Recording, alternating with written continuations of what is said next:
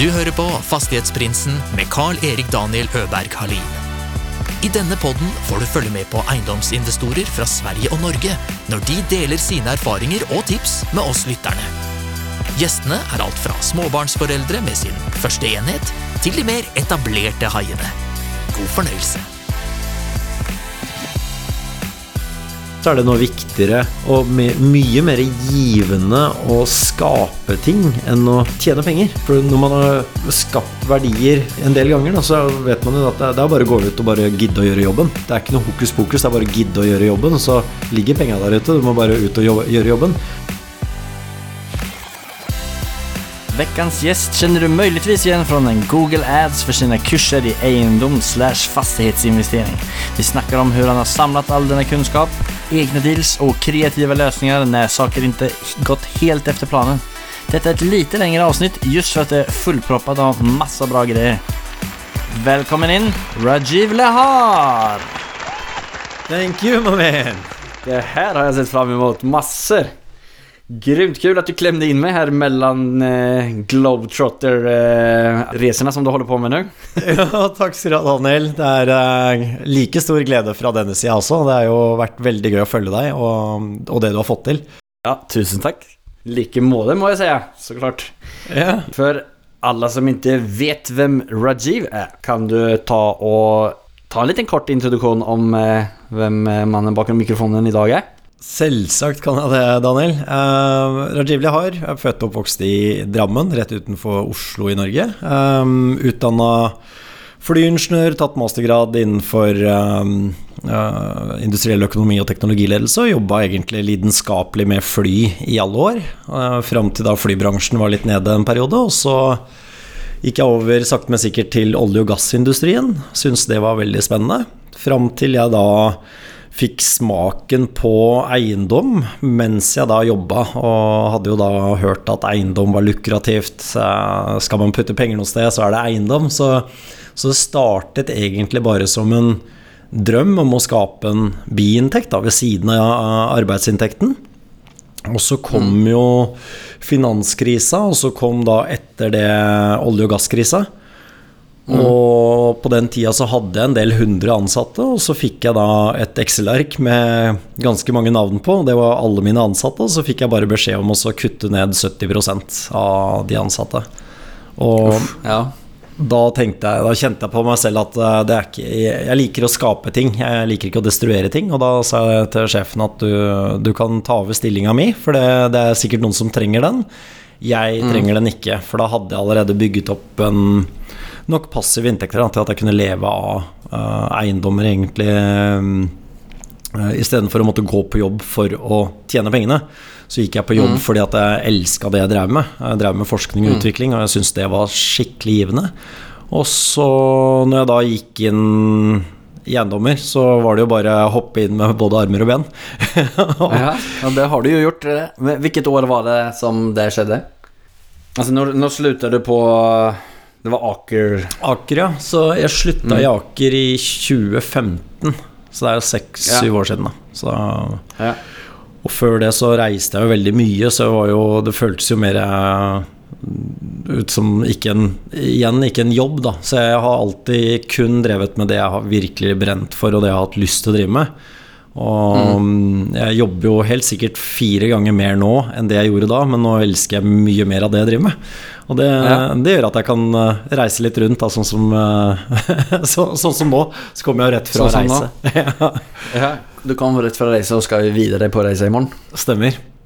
Før vi hopper inn videre og dypdykker i alle spennende greier som eh, eiendom har å by på, hva gjør du når du ikke holder på med og reiser omkring og driver med eiendom?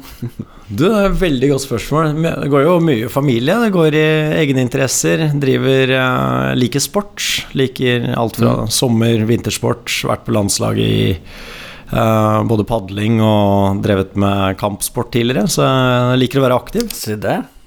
Men padling så som i den gammeldagse padling, ikke den moderne rakettpadling, eller? Nei, så det er timannsbåt som, som jeg padla på. Så jeg padla under VM i 2014 og vant 500 eh, meter open uh, i 2015 Oi. for Norge. Så det var, det var moro. Se det. Det vil jeg ha noen sexy bilder på. Det skal vi gjøre. det skal vi ordne. Var, jeg tapte et veddemål, da. Det var jo egentlig det som var Eh, Det var sånn jeg endte opp med det. Men eh, jeg skal sende deg bilde av målstreken. Ja, ja men så bra. Har du testet eh, paddling, eh, racketpaddel någonting i det? Nei, det har jeg ikke. Jeg Nei? kjenner en del som driver med det. Men uh, Ja.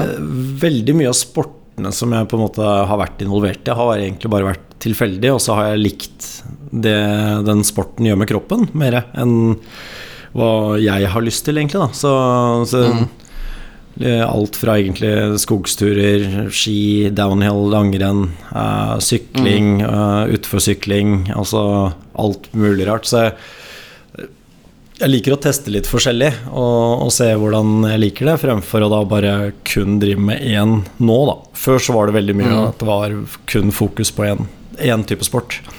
Og så, det jo, så går det jo mye tid i familie. eh, Så det, vi, jo en, vi har jo en internasjonal familie, da blir det mye reising pga. familie også. Så, så, så det, og så ligger det jo mye reising i, i familien, da. Så um, vi er jo en flyfamilie hele gjengen, så da blir det mye reising. Vi bor på Rajiv Airlines. Exactly. One day, my man. Før vi liksom eh, går, går inn på fra från starten. Kan du summera? Du håller ju på med så himla mycket inom eiendom. Vad är din strategi? Eller vad, hur många transaktioner har du gjort och vilka typer är det? Bara liksom så man får ett litet perspektiv av vad det har gjort och vad, vad Ja, du ska göra absolut. framöver. Det, så jeg har vært borti jeg vil si bare en promille av det eiendomsmarkedet har å by på. Eh, For det er, det er gigantisk, det skal vi si, markedet da, innenfor eiendommer, eiendomstransaksjoner osv. Så, videre. så jeg, jeg har vært uh, hovedsakelig innenfor bolig, uh, boliginvestering. Jeg har hatt noe næring, veldig lite, men det har vært også utleierelatert, da, altså korttidsutleie, hotellvirksomhet og bed and breakfast. Og så har jeg um, siste syv årene, siden 2014, eh, jobba intenst med å finne eh, en byggeteknologi som, som har fått landa nå. Mm. Uh, og så har det vært eh, vanlig boligutleie som, som jeg har hatt mitt fokus rundt. da og så er det jo, som sagt, eh, jeg tror nok det bare er en promille av det markedet har å by på. Altså det er jo alt fra obligasjoner til fondstrukturer til tomteselskaper. Altså det er, det er så utrolig mye, og det er kanskje også det som gjør at jeg syns det er ufattelig fascinerende, da. For det er så mye når man kommer liksom på innsiden og får lov til å sitte rundt bordene med de store gutta og se hvordan de gjør transaksjoner. Og så ser Ja. man jo det at jøss, yes, det var ikke fem ganger inntekt og egenkapitalkravet, liksom. Det er, helt, liksom det, det er en helt annen verden, da. Og det syns jeg er skikkelig oppriktig kult, å se hvordan man kan gjøre transaksjoner uten at det er et tradisjonelt kjøp og salg, da, som jeg har vært vant med. For jeg, jeg har ikke vært eksponert for den type transaksjoner før. Så, så det syns jeg har vært veldig, veldig givende. Um, så hovedfokuset nå framover er egentlig beholde den uh, porteføljen jeg har, altså utleieporteføljen. Uh, mm. hvor, mange, hvor, mange, enheter er det du har som du sitter på idag? Så privat, så eller privat slash næring så forvalter jeg rundt 40 leiekontrakter. Uh, Røftlig. Og så er det en del uh, avtalekontrakter. Altså det vil si, jeg har avtaler med partnere som driver mesteparten av virksomheten, og så har vi en profit share agreement i bakenden. Hvor Hvor enten vi har kommet inn med sweat equity, eller så har de kommet med sweat equity, og så har vi kommet med kapital, f.eks. Og det er i ulike partnerskap, og der er det vel hvor- dribblar du bort meg selv. Hva, hva, hva betyr det sweat equity? Sweat equity betyr jo egeninnsats, da. For eksempel, eh, la oss si vi skal drifte utleievirksomheten, og så, så drifter jeg den med å bruke okay, min tid ja. og energi, men så er det Ja, noen det är annen som sweat som i svett altså. Stemmer. Svette. Ja, det, det uttrykket har jeg ikke hørt tidligere, det var kul. Ja, ok. Det, det er sweat, uh, sweat equity. Det vil si at det er noen som legger ned arbeidsinnsatsen, og så er det noen som kanskje kommer med kapitalen. Og så er det kanskje noen som kommer med finansieringen, eller som kanskje har et selskap som har god skattestruktur eller eierstruktur som er godt å ha med seg videre. Og det er jo litt det jeg mener er veldig givende, da, fordi når jeg starta med eiendom, så hadde ikke jeg verken egenkapital eller finansiering på plass. Uh, og, og, følte at jeg var litt stuck, på en måte. Og så var det jo ingen som ville dele med seg hvordan man Altså, jeg, jeg veit ikke hvor mange dører jeg har banka på jeg, for å spørre om hjelp, og så tror folk at du er konkurrent, så de vil ikke dele. ikke sant? Så det, da, da, føler man seg litt lost. da Og det er jo en av grunnene til at jeg syns det du driver med, Daniel, er utrolig givende. Det å dele med seg, det å ha det, det gode hjertet da med, med, å få med deg uh, mennesker som har gjort ting som både du kan lære av, men også dele med andre. Det, jeg, det mm. setter jeg veldig pris på. da Det er derfor mener, oppriktig mener at det er, det er, også en like stor glede for meg å kunne uh, få æren av å delta um, på, på podkastene dine og så få, få, dele min del av reisen. Da. Så det, det, setter jeg veldig pris på. Ja, men så kult at du oppskatter det. Hoppas uh, at det kommer noe godt ut av for deg och delta i det här också. För jag, eh, bara de samtalen som vi har haft eh, fram till nå när vi spelar in så har jag ju lärt mig massor och hoppas att vi hinner gå igenom alla frågor som jag har skrivit ner genom den här eh, korta timmen som vi har. Det blir kjempebra, Daniel.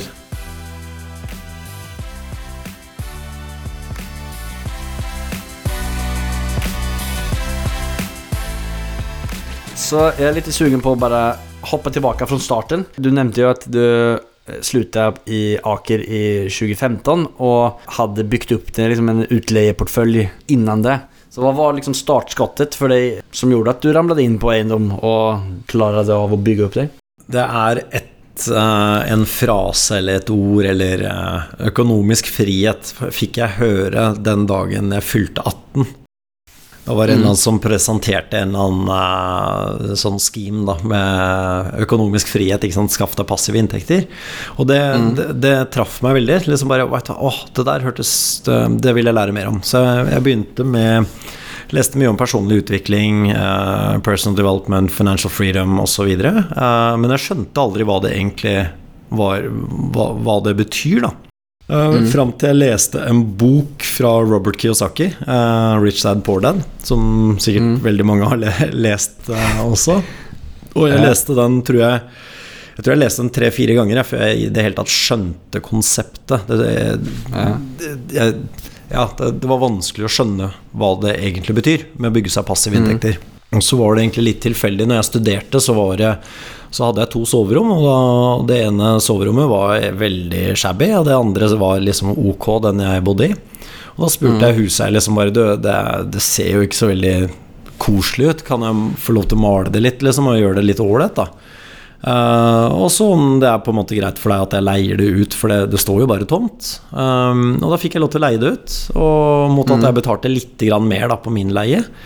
Og da mm. satt jeg igjen med typ netto sant, rundt 700 kroner i måneden. Mm. Og som en student med studiestipend, så var 700 kroner i måneden for meg på den tida var all verdens. Altså det, det mm. Hver eneste måned så satt jeg igjen etter at alt var betalt, så satt jeg igjen med 700 kroner. Og det mm. ga mersmak. Og det er nå mm. kanskje 18-19 år siden. Så det var liksom min første smak av passiv inntekt. Ja og med bruk av da eiendom som, som verktøy. Um, mm. og, og, og, så var det det her med at, du, at det både var gjentagende, men også at det er uh, verdiøkningen i bildet. Hvor jeg da fikk smaken på Oi, ja, hvis jeg leier det ut nå, så sitter jeg med null, men hvis jeg bare gidder å male, så får jeg 700 kroner i måneden hver eneste måned i god tid. Og, og det var liksom to sånne lærdommer som jeg har dratt med meg selv den dag i dag, det er verdiøkning, og det er eh, det her med å skape sin egen uh, virksomhet, på en måte. da Det er jo sykt grymt. Det var når du var 18. Det var jo et par år siden, even fast du eh, ser ungdommelig og stilig ut. så, så Fikk du så mye mersmak at du hoppa på det direkte og begynte å kjøre mer greier? Eller hva, hva var neste steg etter du, du fikk til 700? Jo, fra den, eh, den, delen så var det liksom akkurat Hva annet kan jeg drive med? Hvem mm. andre kan jeg leie ut for? Er det noen andre jeg kan spørre? Og så, videre. så da begynte jeg egentlig litt med Spurte pappa. Han bare du, du driver og leier ut. Kan ikke jeg få lov til å leie ut den for deg? Og så kan jeg håndtere mm. kontrakter, innflytt, utflytt, vask, skader osv. Um, mm. Og da spurte jeg liksom akkurat hva er det minste du kan ta i måneden for at du er fornøyd, og at jeg kan få en mulighet til å, å teste. Og da, da var liksom på den leia tror jeg kanskje satt igjen med 4000 kroner i måneden. Så ble det plutselig 4007. Um, og så reforhandla jeg med pappa en gang til, og da satt jeg igjen med 5000 eller noe. Så, Eller skal du reforhandle med pappa? og så, og så Fordi for hver gang noen flytta ut, så tenkte jeg bare hm, mod- Businessmodellen funker, men den kan jo sikkert optimaliseres. Da. Så da fikk jeg jekka ned leia fra pappa. Og så fikk jeg jekka opp leia som jeg leide den ut på. Og da var liksom, så var min måte å teste ut markedsverdi på, da. Eh, på med helt vanlig enkle grep, liksom, som ikke krevde noe mer enn å bare teste og feile. Og Ja. så um, fikk jeg enda mer mersmak av det, og da begynte liksom å balle på seg med et par-tre eiendommer til, og så begynte, begynte jeg å skjønne at ja, men det er jo veldig mange som egentlig ikke gidder å legge så mye i utleievirksomheten. Altså De har spekulert i markedet, og så har de kjøpt en bolig som de egentlig bare skal tyne liksom sånn leie ut uten å egentlig ha noe uh, verdi Altså det, det, De skal bare kjøpe for å leie ut, og så satser de på at markedet skal øke. De har liksom ikke lagt sjela si i det, eller uh, lagt noe i det. da og, og det beit jeg meg merke i, og på den tida så var det jo liksom ja, det var jo stort sett finn.no hybel og Facebook og litt sånt noe som var steder man leide ut ifra.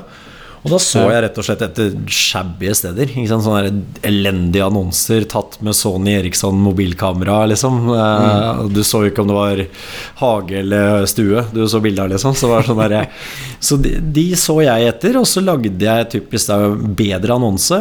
Lagde god tekst, fant inspirasjon fra salgsannonser. Og så oppsøkte Ja. jeg da huseieren og sa, vet du hva Eh, jeg, er det lov for meg å kunne forvalte eiendommen din? Eh, det her er det jeg har tenkt å gjøre. Lage bedre annonse. Og så har jeg tenkt dette her er de referanseprosjektene jeg har gjort. Kan jeg få lov til å leie ut for deg? Så bare ja.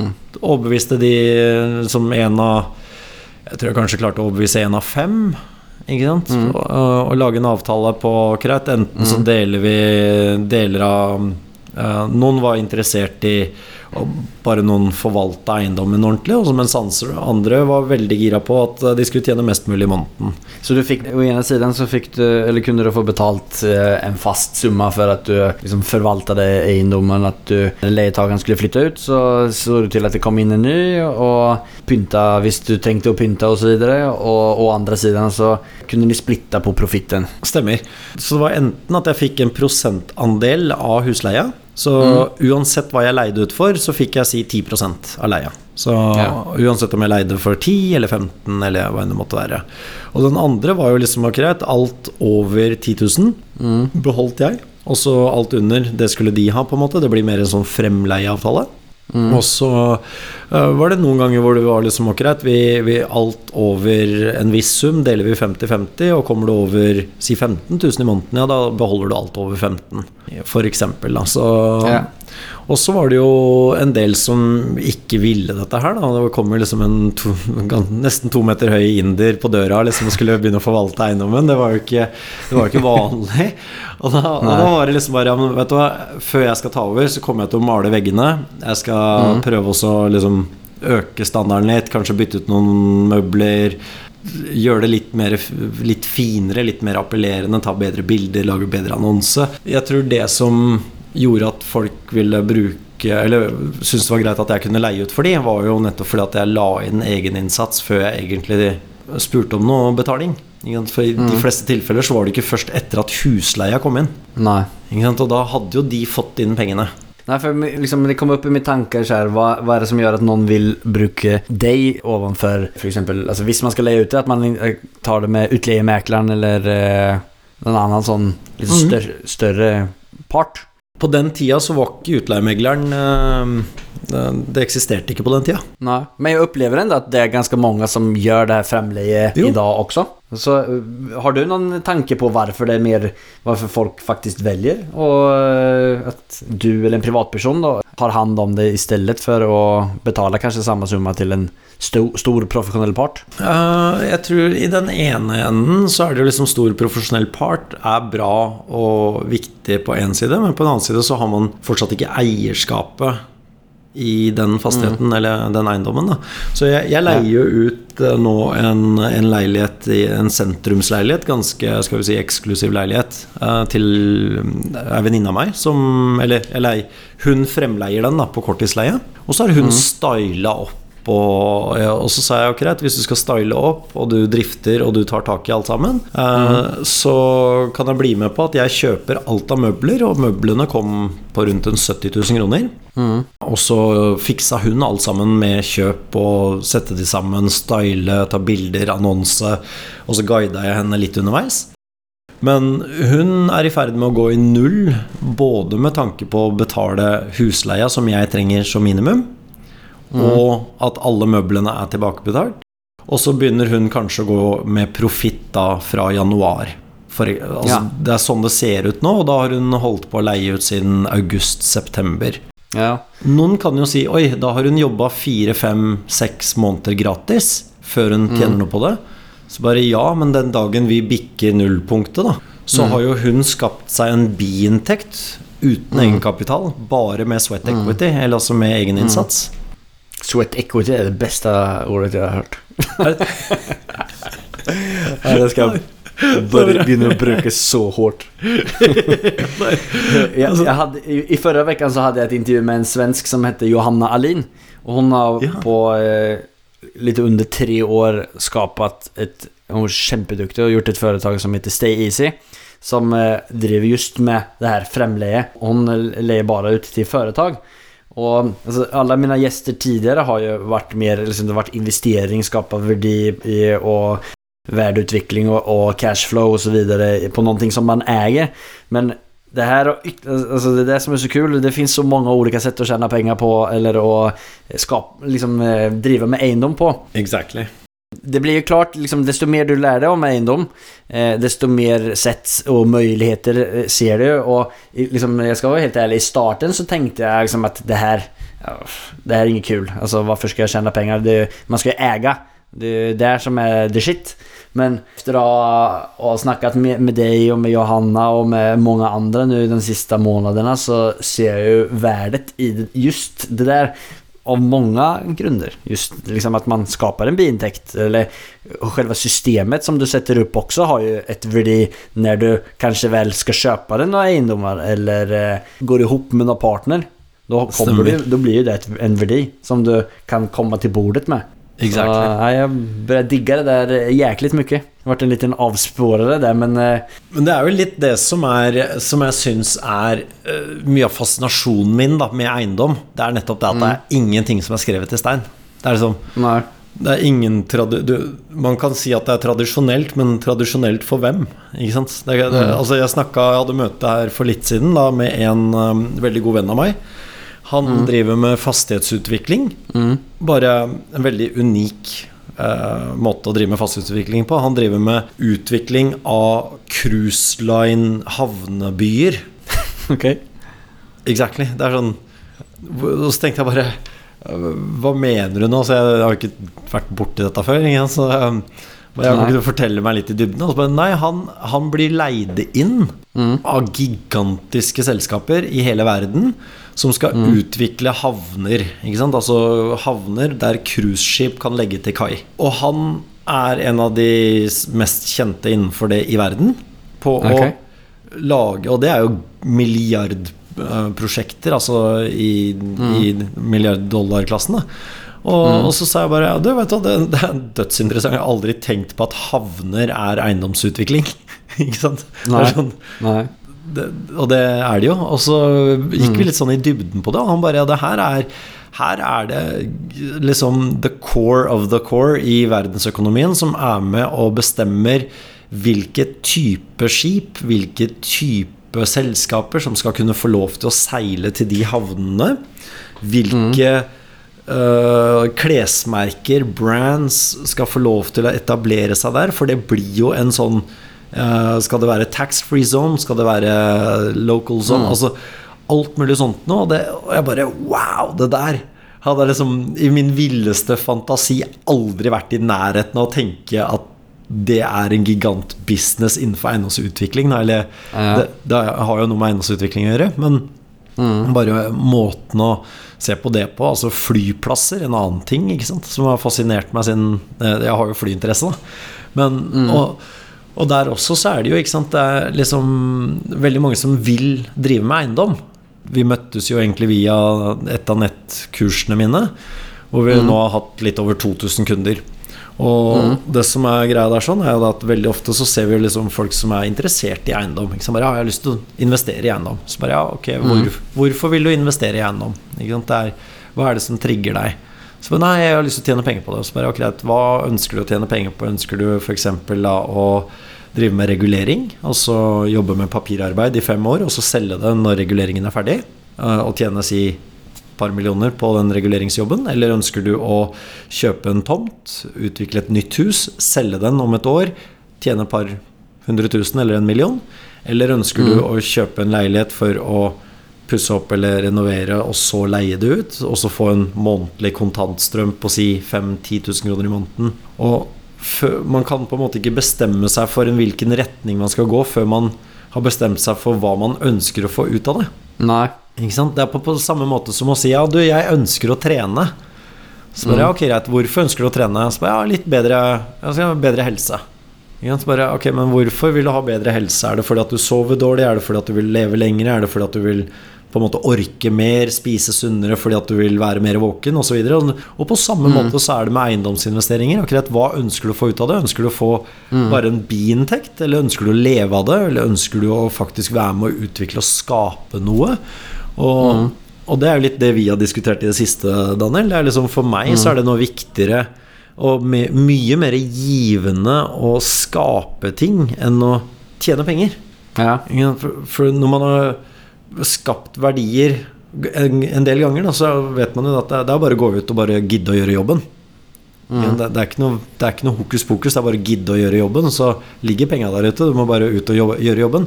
Veldig mange sitter hjemme og sier 'ja, jeg skulle ønske jeg drev med det', ja, 'se på han, sant, han har gjort det', og så gidder du ikke gjøre jobben, men så driver du og klager på de andre da, som er faktisk ute og jobber. Ja, men det, det er veldig interessant at du sier det for det, det der er noe som har blitt klart for meg relativt nyligen. Jag, jag läst också ganska många sådana här Rich Dad Poor Dad böcker och kollat på YouTube och lyssnat på po podcasts och liknande där många säger att jag tycker hellre om att skapa värdier och innan man blir, förstår vad det faktiskt betyder så låter ju det bara som bullshit. Alltså, för man lyssnar ju på de grejerna i huvudsak bara av att lära sig saker som man ska tjäna pengar på. Och när du sitter och säger att ja, det är bara ut och göra jobben så låter det bara så... Okej, men hvilken jobb? Hva, gör jeg Va, vad ska jag göra? ja, ja, men det er veldig enkelt, da. Veldig enkelt eksempel er jo de som sitter dag og natt på finn.no og bare søker og søker og søker. Og så er det de som har tatt det til neste steg. De er og søker og søker og søker, men så samtidig så går de på visninger. Sant? Lærer seg mer. Går på visninger, ser litt ulike planløsninger, ser litt ulike metoder ting er blitt løst på. Og så er det de som tar det hakket videre og sier Vet du hva, nå skal jeg både se på visninger, jeg skal sjekke på Finn, jeg skal fysisk ut der, og som er i dialog med banken. Mm. Så bare, du, kan jeg få finansiering på dette? Nei. Ok. Kan jeg få finansiering på dette? Nei. Ok. Kan jeg få finansiering på dette? Nei. Ok, neste bank. Kan jeg få finansiering Skjønner du? Og Det er det jeg mener med å gå ut og gjøre jobben. Å prøve å feile. Ja, det låter ju så helt så självklart. Och Ja. det är självklart. Men jag tog ju ditt kurs. Det begynner å bli to år siden som jeg tog det. Det tog, det tok flere månader for meg innan jeg gjorde ferdig kurset. Ja. Eh, altså det ett nettkurs. Eh, Stemmer. det betyder, det tog jævlig lang tid før at jeg liksom var en doer. Eh, på, om man skal si det. Jeg hadde tatt investeringen så det lå jo og påminnet meg hele tiden. Eh, jeg jag var jo jævlig intresserad men jag det ikke helt. Eh, og så begynte jeg vel å gå gjennom kursene og begynte å liksom eh, få kunnskap og begynne se hvor jeg skulle lete, men det var fortfarande ganske trøgt nå når jeg ser tilbake på det. Mm. Så var det noe som skjedde i liksom, overgangen i begynnelsen av det her året som bare gjorde at Alle biter følte på plass, på noe sett. Og det var, det var liksom inget magisk. Det var, det var typ det her att hur viktigt det är att faktiskt göra saker. Och in, alltså, allting är inte perfekt i starten. Så det spelar liksom ingen roll hur mycket man försöker att ha all kunskap eller ha de perfekta förutsättningarna. Alltså, det, det går ganska fort för att Stämmer. få liksom, 80% av din kunskap. Som är liksom det du behöver för att sätta igång. Och så när du är igång, det är då du bygger de här sista 20 procenten. Ja, det er liksom å få i gang det hjulet. Det er som å dytte, Ja. dytte en lastebil. Ikke sant? Det, er Ja. jækla tungt i starten, og så idet du begynner å få fart på det Ja, men det det er jo også en sånn klassisk klisjé. Liksom, det svåraste er å gjøre det første, men det er jo så jækla sant. Og det er så viktigt. Men og det er så jækla viktig. Altså, hva som skjedde efter at jeg vel innså det og bare kasta meg ut i det. Det er jo liksom en del av den här podcastgrejen og Ja. liksom allting med å få muligheten til å snakke med deg, Få muligheten til å snakke med alle andre spennende gjester som jeg har haft mulighet fram til nå. Det er jo bare på at av att jag har satt noen ting. At man har börjat. Stemmer. Stemmer. Når man skaper seg en, en forestilling om hva som skal til for å lære seg masse om en- egendom så er det jo bare det jeg selv som kan ta meg selv dit liksom. Stemmer. Og så er det jo litt det der med at du tør å spørre, da. Jeg, jeg tror det er en av de egenskapene jeg liker veldig godt med deg, Daniel. Det er at du, du er dønn ærlig og sier vet du, jeg er fersk i dette gamet. Jeg er her for å lære, jeg er her for å på en måte, Du er fremoverlent, da. Eh, og, og det vi ser veldig ofte, er jo da at hvis det er noen som har gjort en transaksjon eller to, da, så tror man at man er verdensmester. Og sier ja, men altså, det er bare bullshit, det der kan jeg, liksom. Og det, er, det har jeg hørt før, det har jeg lest om, det er Og da kutter man ut hjernen. Ja.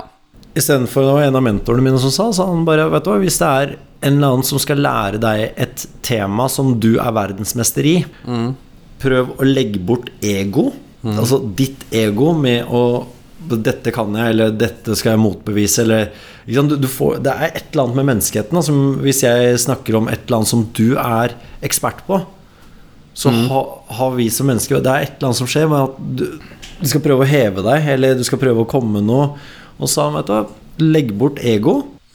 Tenk heller på om det er noe den personen eller selskapet eller hva er det de gjør som du kan lære av? Bare finn ett punkt, ett ord, én setning, én mulighet, én idé, hva enn det måtte være. For da fokuset til hjernen din er på å finne et eller annet som er bra. Istedenfor at fokuset ditt er på noe negativt lada. Det er å overbevise at du kan mer. Da. Og det er dessverre eiendom veldig, veldig skal vi si, kjent for. Det er jo litt av det vi snakka om. Altså både din start og min start har vært litt røff. Fordi at vi hadde ingen mentorer som sa Du vet å gå ut, ring på den døra, si denne setningen, skriv den type kontrakten, se om du klarer også å få til den, den løsninga der. Og f- nettopp fordi at du, du har eh, en del som sitter med beina og armene i kryss, og så vil ikke dele, for de ser på deg som en konkurrent.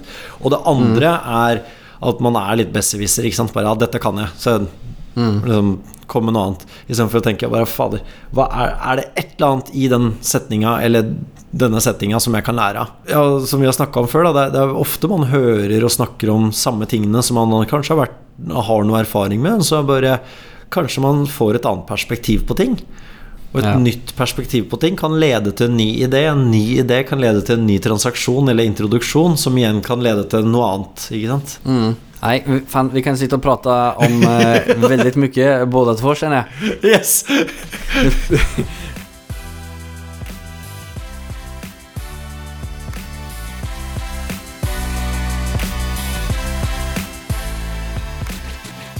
Ja, vi har mange saker som jeg skal prøve å komme igjennom. Nå skal jeg prøve å være en bra host og ta oss tilbake litt til om vi kan bare snabbspole litt fra der vi var med dine fremleieobjekter, kanskje fram til eh, du kom gang og började starta det her kurset.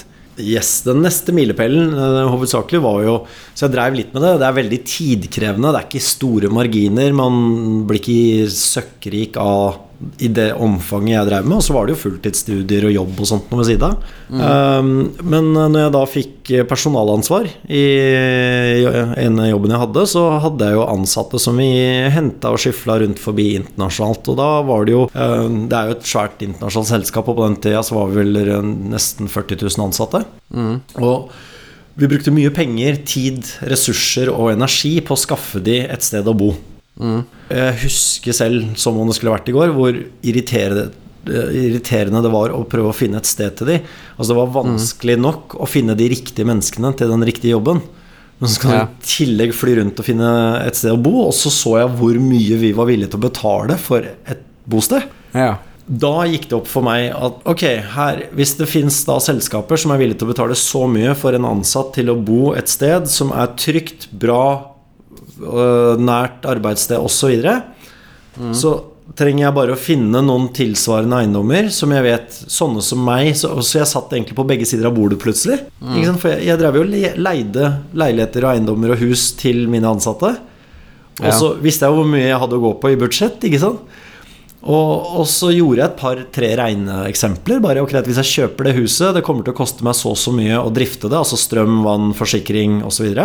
Jeg kan få så mye leieinntekter fra mitt eget selskap, egentlig. Eller som jeg kunne leie Typisk det jeg var villig til å leie for mine ansatte, da. Mm. Var det jeg så etter. Ikke sant? Så jeg, det var egentlig en veldig god lærdom i det, Fordi da innsnevra jeg søket. Jeg søkte ikke hele finn.no. Jeg søkte spesifikt de eiendommene som jeg som arbeidsgiver kunne si ja til. Enten med da oppussing eller oppgradering osv.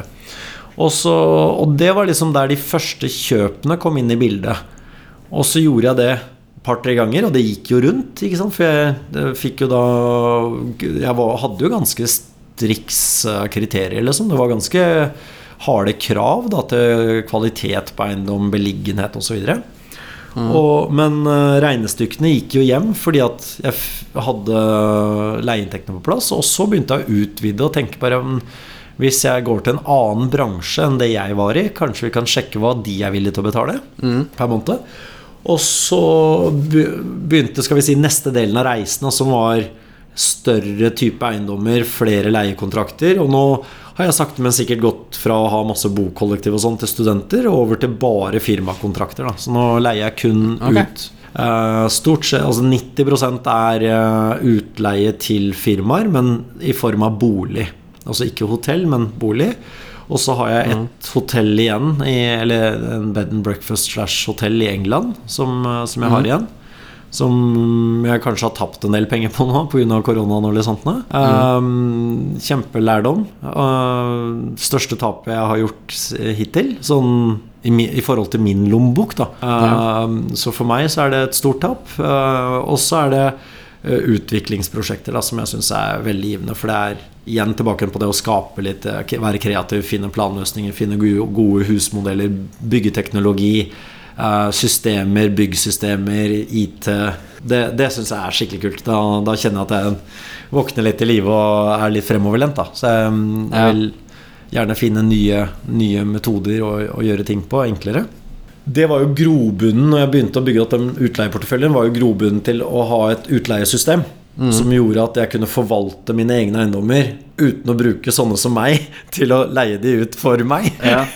Så, altså jeg, jeg hadde jo ikke god råd, så jeg måtte jo liksom spare der jeg kunne. da Og så lagde jeg det utleiesystemet, som da senere ble av at det var mange som spurte Ja, men du, du reiser jo Jeg hadde jo på det verste så hadde jeg 280 reisedager. Okay, Ok, altså shit. 280 reisedager per år. Og jeg drifta jo da to-tre bokollektiv. Altså enebolig, størrelse på ti rom per kollektiv. Da. Eh, og da var det folk som spurte om hvordan kan du drifte utleien så effektivt mens du er på reisefot. Og det var jo pga. utleiesystemet som jeg hadde bygd meg. Og det ga igjen da grobunn for å lage nettkurset, sånn at andre kunne på en måte dra det, lærdom av det. da Og så har jo det videreutvikla seg til investeringskurs, til uh, flipp, verdi, altså verdiskapning i form av flipp, altså hvor du kjøper, øker i verdi og selger, til å Ja.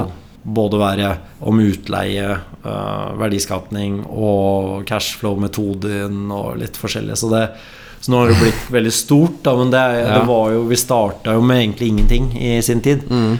Og vi, mm, nå er det jo på en måte en del nettprodukter, det er en del kurs. Det er jo veldig oppgradert siden, uh, siden du var på innsiden også. Så det, men det er jo fordi at behovet har vært på nettopp det du sier. At det er For en hvermann, eh, helt vanlig mann i gata, da, så er det ikke Han vet ikke hvorfor han skal brette opp armene engang. Han vet ikke hva han skal gjø- gjøre jobben med. da og, og det er helt riktig som du sier. Altså det er, folk vet ikke altså du, du sitter og ikke googler deg i hjel, men du finner .no-er deg i hjel. Uten å vite helt hva du skal gjøre, hva du skal se etter, hva skal du regne på. Ikke sant? Bør man Er den eiendommen egna til utleie, eller er den egna til å selge, eller er den egna til å bare rive? Ikke sant? Så det, når man ikke, det man ikke vet, vet man jo ikke. Og Nej. Hur länge har ni holdt på med det her kurset nu?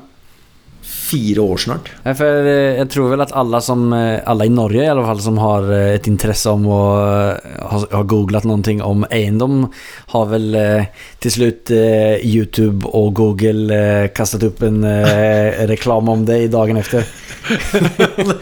Det kan tenkes. Du må ha et ganske bra reklamebudsjett. Eller så er det Ja, m- m- eller så er det bare meg som eh, du dukker opp på. Jeg, jag vet at jeg har haft noen møter også med, på jobbet der du har dykt opp på sk- skärmen på andras eh, PC også. Ja, vi har, vi har hatt bra budsjetter på både markedsføring, men så har traction vært veldig bra, og feedback har vært veldig bra. Så, Og det gir jo mersmak, da. Så det, men jeg, tror vi er vel oppe i Vi nærmer vel oss rundt 20 millioner eh, visninger in general. Og så har vi jo hatt Jeg tror jeg har eh, rundt 40 Ja, Jeg har i hvert fall sett, sett det hundratusen gånger så det står for en stor. Ja, det er, det er, altså, jeg syns det er veldig givende. Det er jo altså eh, Alle ting har en forside og en bakside, eh, som, som med alt annet. Men det, for meg, som på en måte er det aller, aller viktigste, er jo at uh, kursdeltakere og de som på en måte er på innsiden, da, får, noe, får utbytte av det, og samtidig kan bygge seg opp nærmere drømmene sine, på en måte. Og det, ikke sant, ser jo det for, for din del også, ikke sant. Altså du, du endevendte en stein for noen år tilbake, og kanskje det begynner å liksom så øh, noen år, år et, ettertid. Og det er jo sånn som med byggeteknologien også. Altså jeg kunne ha starta for sju år siden, men tiden og markedet var ikke der det er i dag, da. Så alt har sin tid. eh, Men til gjengjeld så har jeg brukt sju år og virkelig fått uh, prenta ting inn i ryggraden, liksom. Og nå kan jeg gå rakrygga fram og kanskje bygge Altså, byggeteknologien gjør at jeg kan bygge med fremtidens byggekrav og klimakrav. Og det var ikke så stort fokus på klima og byggekrav. Altså det, på den tida så var det ikke TEK 17 engang, da var det TEK 10. Ja. sant? Så, det er jo tekniske byggekrav, da. Og nå, vi, jeg bygger etter passivhusstandarden, som er på en måte enda strengere standard enn TEK 17 f.eks. Uh, og vi har uh, bruker resirkulerte materialer, så er det veldig fokus på klimanøytrale boliger. Og, og til samme pris som standard, på en måte. Så det er høyere kvalitet, bare at vi har eh, Istedenfor å kutte ned på kvaliteten på materialene, så har vi kutta ned på prosessene. Da. Så, sant? Så, jeg har dratt med meg det jeg har lært fra flyindustrien. Så jeg gikk jo fra flyindustri til olje- og gassindustri. Det var jo som å gå 40 år tilbake i tid. Og så gikk jeg fra Ja. olje og gass til eiendom, som er liksom ytterligere 40 år tilbake i tid. Så, så jeg liksom prøvde å dra med meg mye av måten jeg har jobba med fly. Jeg har designa eget fly. Jeg har, uh, har et par uh, patenter i teamet mitt fra olje- og gassindustrien på, på undervannsutstyr. Og, og sett litt på de prosessene som vi gjorde der, sammenligna med eiendom. Altså I eiendom så er det liksom de siste fem-ti årene at BIM-modeller har blitt veldig populært. da Og BIM-modell har jo egentlig eksistert i flyindustrien i mange mange år før det. Hva innebærer det? Det er eh, noe som heter, eh, står for Building Information Modeling. Det vil si at du har en 3D altså en 3D-modell, har vi jo sett. ikke sant Så For noen år tilbake så tegna vi i 2D. To Ja. dimensjoner, altså en flat tegning. Ja. Mm. Og så når du da drar den opp, så blir det 3D. Og når du da har en 3D-modell med da materialer? Alle, Vindu er et materiale, du har kledning, du har isolasjon, du har en del materialer i det bygget. Så er det plutselig fire dimensjoner. Sant? Og hvis du da knytter kost på de materialene, så har du plutselig fem dimensjoner. Okay. Ja. Og når du da knytter på f.eks. tid, hvor lang tid det tar å bygge, altså antall timer det tar å bygge f.eks., så har du plutselig enda en dimensjon som også har en kost. Så, så jeg Ja. kan på mobilen min designe et hus ned til kroner og øre. Hver minste skrue kan jeg trekke. Altså Jeg kommer fra en bransje hvor hver eneste skrue er serienummerert. Og så er jo et av de største skal vi si, utfordringene innenfor bygg og anlegg er jo det med waste, altså det med avfall, avfallshåndtering, håndtering, avkapp osv. Og, og det, det også er noe jeg har hatt uh, som fokus da når jeg landet med den metoden å bygge på. Så, og all ære til deg, uh, Daniel. Og meget takknemlig for at uh, første, det første prosjektet blir vegg i vegg med en tomt du kjenner til? ja, det var, det var litt tilfeldig at det blir så. Men det, det ser jeg veldig fram mot å følge med på på så nære hold.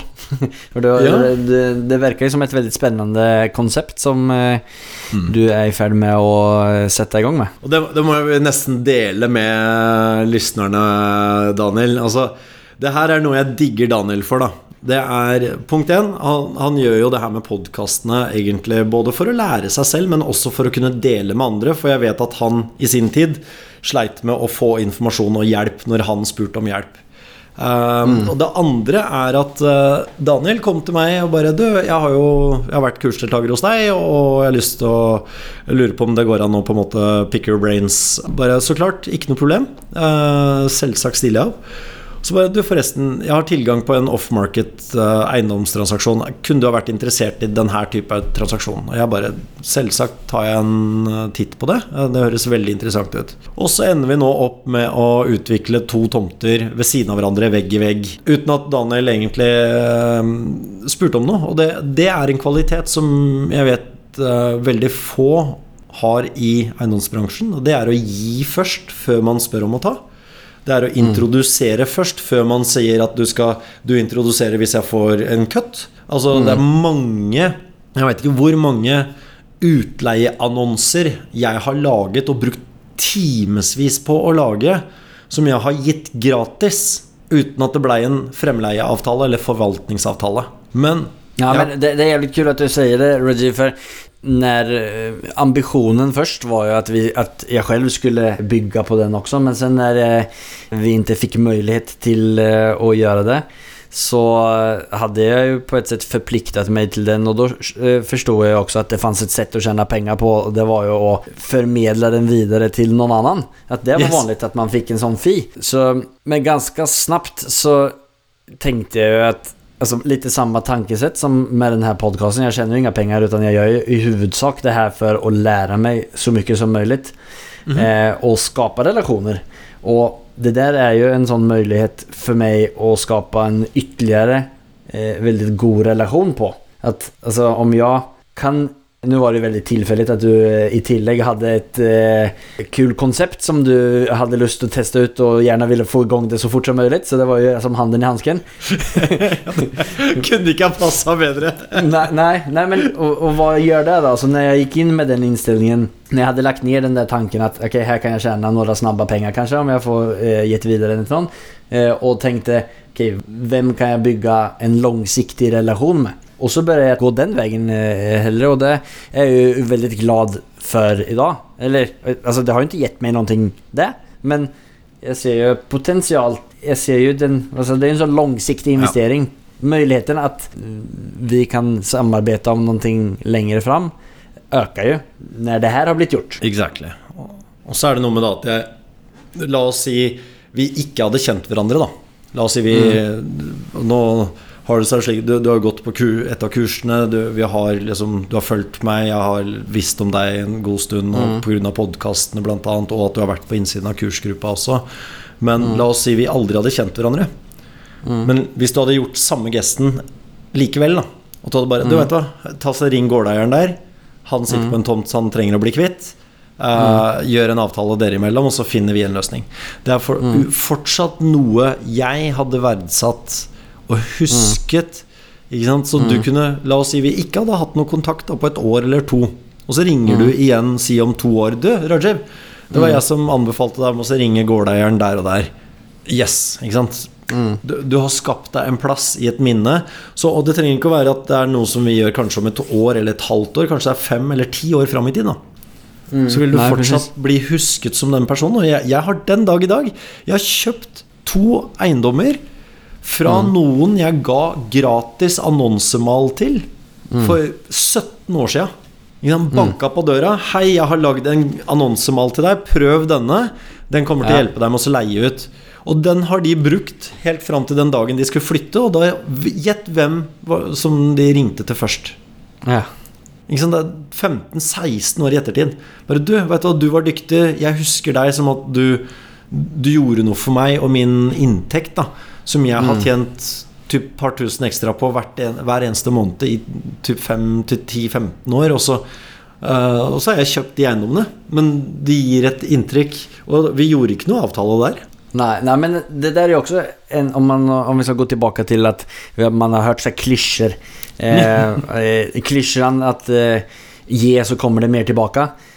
Liksom, när man sitter där och läser böckerna och lyssnar på någon som sitter och säger det och man vill ju kasta han i väggen. Men det är ju, det är så, alltså alla klyschor är en klyscha av att det ligger någonting i det. Och Ja. i, mm, man kan ju inte säga exakt For för det första om det kommer någonting ut av samarbetet mellan dig och mig om 17 år. Kanske det, det var en sån eh, som bara fade ut. Men kanske en av de andra hundra sakerna som jag gjorde för de hundra andra kanske det gav någonting. Og jag tror alltså summa summarum om man går den vägen eh, versus att alltid förvänta dig liksom, mm. liksom köra en hård transaktion. Här, det här ska jag ha och du ska få det här och sen är vi färdiga med varandra. Jag tror att man tjänar mer på det. Både ekonomiskt, relation, gott för själen. Totala liksom, värdeskapningen är mycket bättre om man gör det på det sättet. Det tror jeg også, men så er det jo litt ulike personligheter. Ikke sant? Noen er veldig business, black and white, uh, mens andre er uh, litt mer menneskelig, da, sånn som, sånn som du er. Og jeg, og jeg verdsetter jo den menneskelige delen veldig mye mer. Og det, men igjen så er liksom en annen mentor som, som jeg har hatt opp gjennom tiden, har liksom alltid sagt at det er du, du trenger bare én transaksjon. Eller ett menneske som du blir introdusert for, eller et møte. Så hvis du ser på alle gangene gjennom livet du har hatt en 90 grader eller 180 graders vridning på et eller annet, så har det vært enten én hendelse, én transaksjon, eller en person som har vært årsaken til det. Sant? Og, og jeg, er liksom, det har bitt seg så godt fast hos meg, da. Har du noen sånn eh, breakthrough moment? Mange. Eh, Jeg, jeg strøk jo på videregående i sin tid, og, og Mm. mista egentlig helt motet, for jeg skulle egentlig bli flyver. Det var liksom guttedrømmen. Broren min er flyver, pappa jobba i SAS. Og, og så strøk jeg pga. synet, så jeg hadde ikke noe plan B. Så Mm. jeg, jeg mista all motivasjon. Jeg var skikkelig langt ned i kjelleren. Uh, Mm. Som 18-19-åring, egentlig. Og så, så kom jo den biten her inn, og så var det en lærer av meg som kom bort og bare sa Vet du, Rajib, du er for smart til å være så dum. Så tenkte jeg bare Altså si det til en 18-19-åring, liksom, Så han bare skjønte aldri hva han mente med det. Og så etter, etter da kanskje tre-fire år med liksom prøving og feiling, jobba på gatekjøkken, flippa burgere, vaska, jobba litt i gam, eh, gamlehjem og helsevesenet. Og så kom jeg omsider inn i Forsvaret og lærte meg eller liksom Plutselig fikk jeg troen på meg igjen, og det tok tre-fire år, da. Og, så, og da var det en major, eller en generalmajor som kom bort til meg og sa bare Du vet da, du, du er for smart til å være så dum. Ish. Jeg, jeg hørte på Han sa det ikke ordrett, men jeg hørte den setningen i mitt hode. Ja. Så bare Nå skal jeg få vite hva det betyr. Så jeg tok tak i det, så bare Hva mener du? For det, det, jeg har hørt noe tilsvarende for noen år tilbake, og det har bugga meg siden. For jeg har aldri skjønt hvorfor. Så bare Jo, du finner latterlig dårlige unnskyldninger for deg selv for at du ikke skal gidde å gjøre noe. Og så tenkte jeg akkurat, hva mener du med det? Så bare, jo, du kan ta høyere utdanning. Så bare, nei, jeg, jeg, jeg strøyk på videregående i matte og fysikk. Så bare, ja, exactly my point. Du finner den unnskyldningen for at du skal slippe å gidde å gjøre det neste steget. Så jeg brukte det at jeg strøk på at jeg ikke kunne ta en høyere utdanning. Så han, ja, men still deg et annet spørsmål. Hva skal til for at du skal kunne ta en høyere utdanning? Og da hjalp han meg med å få generell studiekompetanse og alt sånt nå, i forhold til all den utdanningen jeg hadde tatt i Forsvaret og sånn, og fikk meg inn på høyere utdanning sivilt. Og det var liksom breakthrough. ikke sant? Én person. Eh, en, en hendelse. Neste var jo når jeg fikk jobben i Aker, f.eks. Det også var jo én person, én hendelse. Uh, neste kan for øvrig bli vår transaksjon. Én introduksjon, én person, én hendelse. Det kan være endring på måten vi bygger hus på i Norge. Ja. Det er takket være deg, da. og den introduksjonen til at vi får opp prototypen. Sant? Så, så man skal aldri liksom undervurdere den ene handshaken. Man skal aldri undervurdere den ene introduksjonen eller Men nå, for meg så er relasjoner veldig, veldig høyt verdsatt fordi at det er Mesteparten av det jeg har bygd opp opp gjennom livet, har vært pga. tillit, relasjoner og, og gjensidig respekt. Ja. Og det er det jeg lever på også i dag. Så jeg, jeg har på en måte, jeg, kan- jeg kan sove rakrygga og vite at jeg med vilje aldri har lurt noen. Nei, men det er jo en veldig skjønn følelse, og jeg, klar, skulle aldri klare av å, å, gjøre noe annet enn å være ærlig og, og gjøre saker og, och, och behöva komme ihåg alt man sier, eller hvem vem var det man inte hadde vært hederlig hedlig mot. ja. Men det er bare Altså, det tar jo tid ikke sant? Altså, å, å bygge seg opp uh, med det. Altså, det. Du har jo kommet dit enn nå, f.eks. med poden her også. Det, det har ikke kommet over natta. Du har jo jobba med det. Du har jo konsekvent passa på og fulgt meg opp bare pga. poden også. Eh, I tillegg til alt det andre vi har gjort. Men du har liksom vært veldig det, det tatt, Dette gjør jo du på fritida di. Ja. Det, ved siden av familie, ved siden av jobb, altså ved siden av alt sammen. Så det, det, det koster deg i form av sweat equity. Yeah. Jeg måtte bare bruke det ordet. Men, men det gjør jo at du jobber på. Ikke sant? Ja, seinere tid. Kanskje du får en eller annen som hører på, som bare Dæven, vet du Daniel har jeg lyst til å ta kontakt med. Daniel, vet du hva, jeg har fulgt med på podene dine. Du får tak i Du stiller gode spørsmål. Du er, du er liksom på. Kan vi få til noe sammen? Igjen? Og, og you never know. Så, så det er liksom og, og jeg visste jo ikke eh, det her med rett tid, rett sted også. Rett person. Du kom med den tomtebiten akkurat det tidspunktet jeg hadde satt sammen teamet klare til å kjøre. Har penga klare. Bare Yes, vi skal Nå, skal vi, nå er vi klare for prototypen. Og så bare Pokkeren, hvor drar vi igjen? Og så har jeg vært og sett på masse tomter, og så har ikke de passa kriteriet helt, ikke sant. Og så kommer Nei. du, og så bare Ja, spot on. Det der blir liksom Den kjører vi på, ikke sant. Så bare Ja.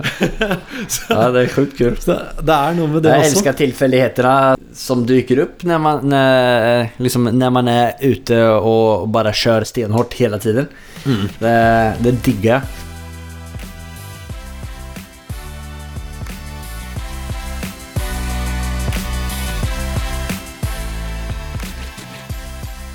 Men som med alla andra gäster eh, och som underlättar mm, mitt jobb som podcasthost så kan du också prata.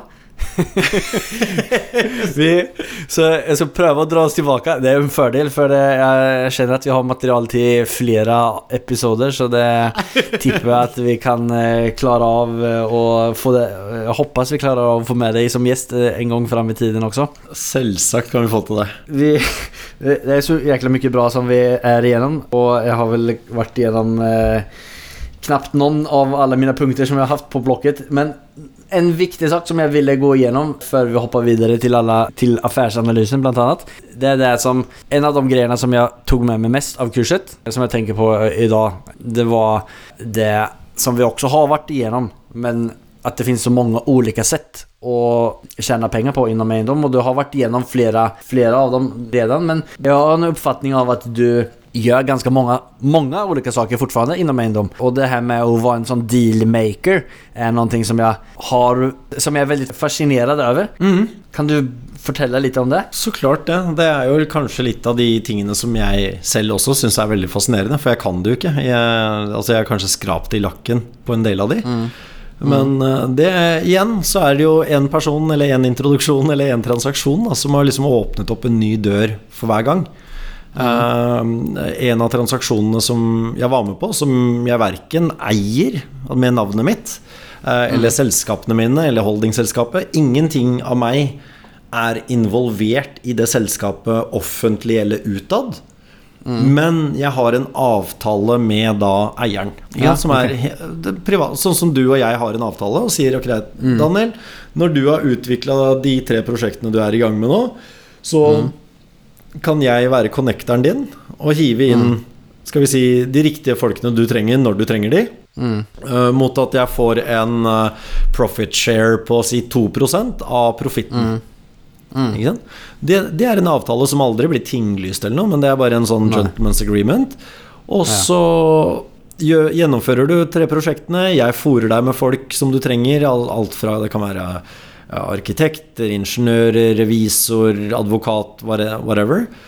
Og Du gjennomfører, og så sitter du si igjen med 100 000 kroner, da. Er det noen spesiell rolle som du bruker å ta vid de där eh, eller eh, har du kommet opp til en sånn nivå at du kan sitte på flere ulike stoler i ulike deals? Om du forstod hva jeg mener. Ja, noen ganger ja, men det, det er, nesten alle transaksjoner er forskjellige og har manko Ja. på forskjellige ting. da Sånn som det ene prosjektet som vi var involvert i, der skulle vi da kjøpe et næringsbygg til, til en fastsatt pris. Uh, off market. Og da var liksom alle lokalene var leid ut.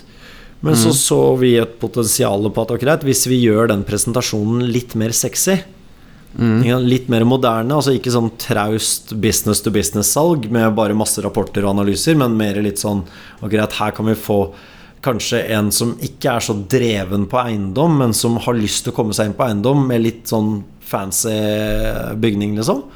Uh, og da var det spørsmålet ja, kan du, kan du lage en investeringscase, f.eks., og, og få den til å se litt mer fancy ut. Og så tenkte jeg bare ja, greit.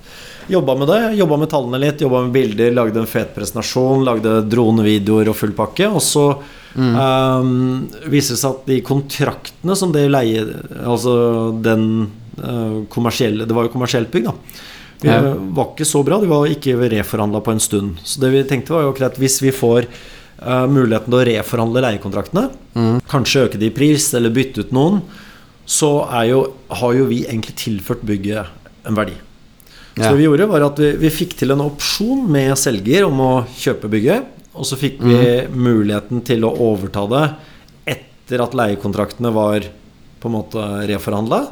Og så solgte vi det etter at leiekontrakten var reforhandla, til en høyere verdi. For det var, det var jo ny takst på det bygget. Og vi kjøpte eller eide aldri det bygget. Vi var jo per definisjon egentlig bare mellommenn. Men vi klarte, å gjøre vi klarte å tilføre det bygget verdi i form av at vi fornya leiekontrakter, bytta ut et par, økte leieinntektene, og dermed økte byggets verdi. Og så selger vi det til en høyere verdi, og så, får vi, og så delte vi da den cutten med, med selger. Og det her er jo også ytterligere en klisjé. Ja, ja. Tjene penger uten å investere noen penger overhodet. Du, Jo, jeg har investert sweat equity. ja, jeg tenkte å säga Sweat equity har investert. men eh, men eh, det der er en sånn klisjé som jeg kommer ihåg at når jeg liksom starter å lese om eiendom, så var det liksom Jag tjänar en miljon utan att ha en, krona investerat. Bara, Okej, det är ju omöjligt. Men Ytterligare, med kunskap så lär man sig att förstå hur man kan tjäna pengar på eiendom på så många olika sätt. Men här kunde det jo också gått helt åt andra hållet. Du hade ju kanske inte kunnat sitta kvar med så, eller få tillbaka så mycket pengar om du inte hade gjort en värdeskapning. Den optionen måste ju ha varit väldigt lukrativ och ni hade ju säkert garanterat lagt ner ganska många timmar på, på det bygget. Och det är ju ingenting som garanterar att ni skulle kunna tjäna några pengar på det heller. Nei, så det, man kan jo si at jeg ikke la inn noen penger i den forstand, men det var jo flere flyturer, det var jo flere møter. Vi satt jo sikkert og jobba Satt sikkert fire mann og jobba døgnet rundt i to måneder. Men det... Så, så hvis man skulle ha hatt eh, vanlig lønn da, med overtidsbetalt og sånn, så kunne man jo alternativt ha tjent de pengene Ja. et annet sted. Så jeg er ganske sikker på at vi, vi gjorde ikke en så sykt bra deal. Når jeg tenker meg om nå, det var ganske mange timer. Men det var gøy. Men det var jo det var veldig lærerikt og det var Ja. veldig gøy. Og målet var jo egentlig ikke at vi skulle selge, målet var jo at vi faktisk skulle sitte igjen med bygget. Men så fikk ikke vi gjennom finansieringsalternativ Nei. som passa for Nei. oss, da. Da Men da fikk vi liksom flippa den Mm. likevel med, med tidligere selger. Og så er det jo en annen måte jeg har gjort en transaksjon på, f.eks. Det er jo la oss si du tjener mye penger, da. Si du har en god inntekt, Ja. god lønn. Med andre ord så får du til et finansieringsbevis. Og så sier vi at uh, vi har en kompis som sitter med en del kapital, for, men som Han jobber mye, men ha, har ikke tida til noe. Og så sier vi at jeg har muligheten til å snekre eller passe som byggeleder eller male, fikse, ordne og styre. Da kan vi med finansieringsbeviset ditt Så kan vi gå ut og by på en eiendom. Vi kan kjøpe den på navnet ditt. Og så har vi kompisen vår som sitter kanskje da med egenkapitalen, for det har ikke du eller jeg. Og så tar jeg og gjennomfører f.eks. en verdiøkning i form av oppussing, bytte kjøkken, dra på Ikea, handle, ordne og styre. Altså jeg legger ned sweat equity og, og bretter opp armene og gjør jobben. Og så sier vi bruker et år da sant, på å øke den i verdi for så å selge den. Og så selger vi en si med Si vi har lagt inn 200 000, og vi selger den med 400 000 i gevinst. Nei, ta lettere, da. Ta 300 000 i gevinst. Bare for at det blir lettere å regne. 300 000 i gevinst står jo på navnet ditt. Så det står ikke på proff.no eller at, eh, at han og jeg har vært med på den transaksjonen, fordi eiendommen står på ditt navn. Vi har bare en avtale oss imellom på at alt det som blir nettogevinst, deler vi på tre. Og la oss nå si at eh, vi sitter igjen med 300 000, og så betaler du skatt for alle tre på de 300 000. Og da har vi jo betalt skatten. Med andre ord så sitter vi kanskje igjen med si grovt regna 250 000, eller hva, hva enn det måtte være da i leftover. Og det deler vi på tre. Mm. Så du, du har betalt skatten, du har betalt alt sammen. Huset sto på deg, lånet sto på deg.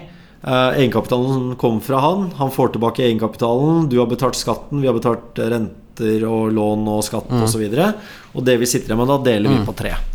Jeg hadde ikke fått til den transaksjonen hadde det ikke vært for at du hadde et finansieringsbevis, og at han eller hun tredje hadde egenkapital.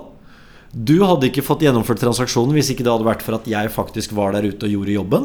Og det samme hadde ikke den tredje personen. Så alle vi tre var litt avhengige av hverandre fordi vi hadde et handikap. Så hvis du ikke har egenkapital nok, eller hvis du ikke har fem ganger inntekt, eller hvis du ikke er flink med eiendommer, ja, da har du et handikap. Et, altså ikke nødvendigvis stort et, men et handikap. Så la oss si du hører dårlig, da.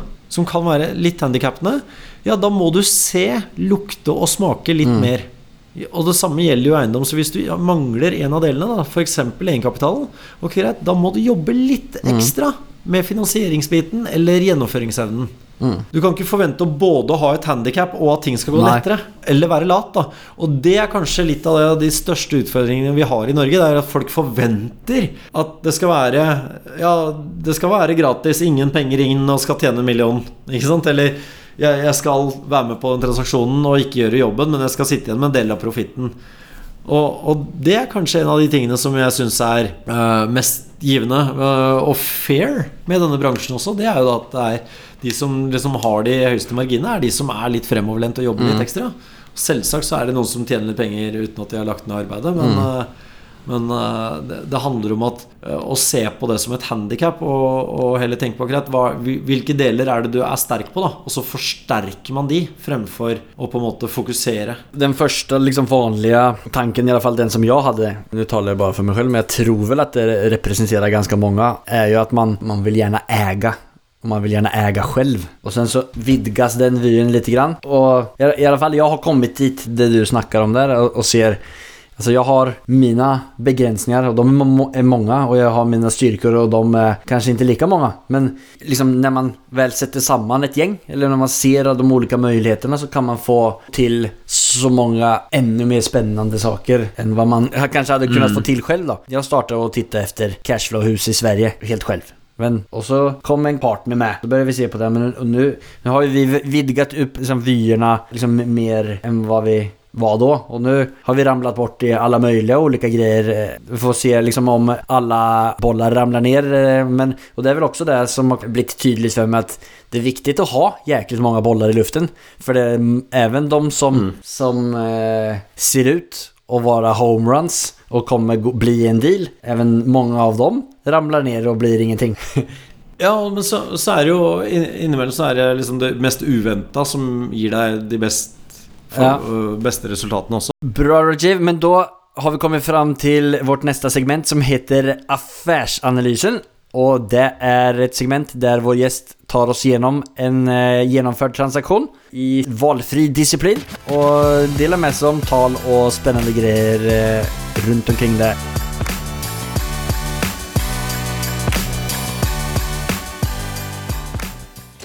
It has not been easy for me. And, you know, I, I started off in Brooklyn. My father gave me a small loan of a million dollars. Affärsanalysen. Er det noen spesielle deal som du kan eller har tenkt å dele med deg om? Jeg kan ta to dealer som øh, er de jeg har tapt mest penger på og lært mest av. Sp Det er alltid fint. Det tror du er den første som eh, deler med seg om en sånn deal, så det, det blir fint. Det blir det er noe av det verste jeg har vært med på. veldig kult at du deler mer om det. Jo da, det er, det er ikke bare Men, men det, det er som sagt, der, der lærte jeg aller, aller mest. Da. Så jeg skal prøve å Ja. dele med meg også de lærdommene jeg har hatt. Um, Begge dealene er fra, fra utlandet, da, så det, det mm. sier jo litt om, uh, om settinga rundt det hele. Så det her er fra England, så jeg drev jo jeg investerte en del i Liverpool, Manchester, Kent og Reading um, av risikomessige årsaker, de lokasjonene. Fordi et sted har du bedre likviditet, et annet sted har du bedre skal vi si, eh, leiepriser, men dårligere standard, osv. Så, videre. så eh, det ene Det er to transaksjoner som vi gjorde samtidig. Det ene skulle da bygges nye leiligheter. Altså vi fikk eh, en avtale med kommunen om rentefritt lån i tre år. Mot at vi bygde ni leiligheter som de kunne leie av oss i fem år. Ja. Og, eller det var etter en del forhandlinger at vi endte på de tallene da, og det, det tidspunktet. Så vi forhandla fram til at det ble rentefritt lån, eh, mot at de fikk leie. De skulle egentlig bare leie i to år, men vi måtte ha en leiekontrakt på fem for å få finansieringen. Og vi setter i gang arbeidene. Eh, det viser seg at eh, han som var byggeleder og prosjektleder, altså entreprenørfirma, han eh, fikk da kreft. Eh, og, og døde. Og så, okay. midt under prosessen. Og så uh, tar barnebarnet over. Entreprenørselskapet Entreprenørselskapet og alt sammen. eh, Mye Altså, vi hadde jo da kommunen i den ene runden som vi skulle rapportere til, og banken i den andre. Og, og sitter da midt oppi ni leiligheter som da var halvferdige, på en måte. Og barnebarnet, som da ikke er en entreprenør, skulle da drive selskapet videre og ta over alle prosjektene og fullføre. Og det gikk jo rett vest, som du kan tenke deg, som det kan få godt. Og han Ja. forsvant jo bare fra, fra jordas overflate, på en måte. For han, han fikk jo noe i fanget som han ikke ville, eller hadde forutsetning for å klare. Så vi sto der da med ni halvferdige leiligheter. Eh, Forpliktelse overfor kommunen. Og skal prøve å få gitt den jobben videre til et nytt selskap. Det jeg lærte der sånn, er jo at eh, det er veldig få byggeselskaper eller entreprenører som tar på seg andres jobb og gir fem års garanti på nybygg Eh, midt i prosessen. Eh, Så det var jo Jeg tror vi hadde 40-50-talls befaringer med ulike entreprenørselskaper. Og alle Mm. ville jo rive hele huset, eller hele bygget, og så bygge opp på nytt.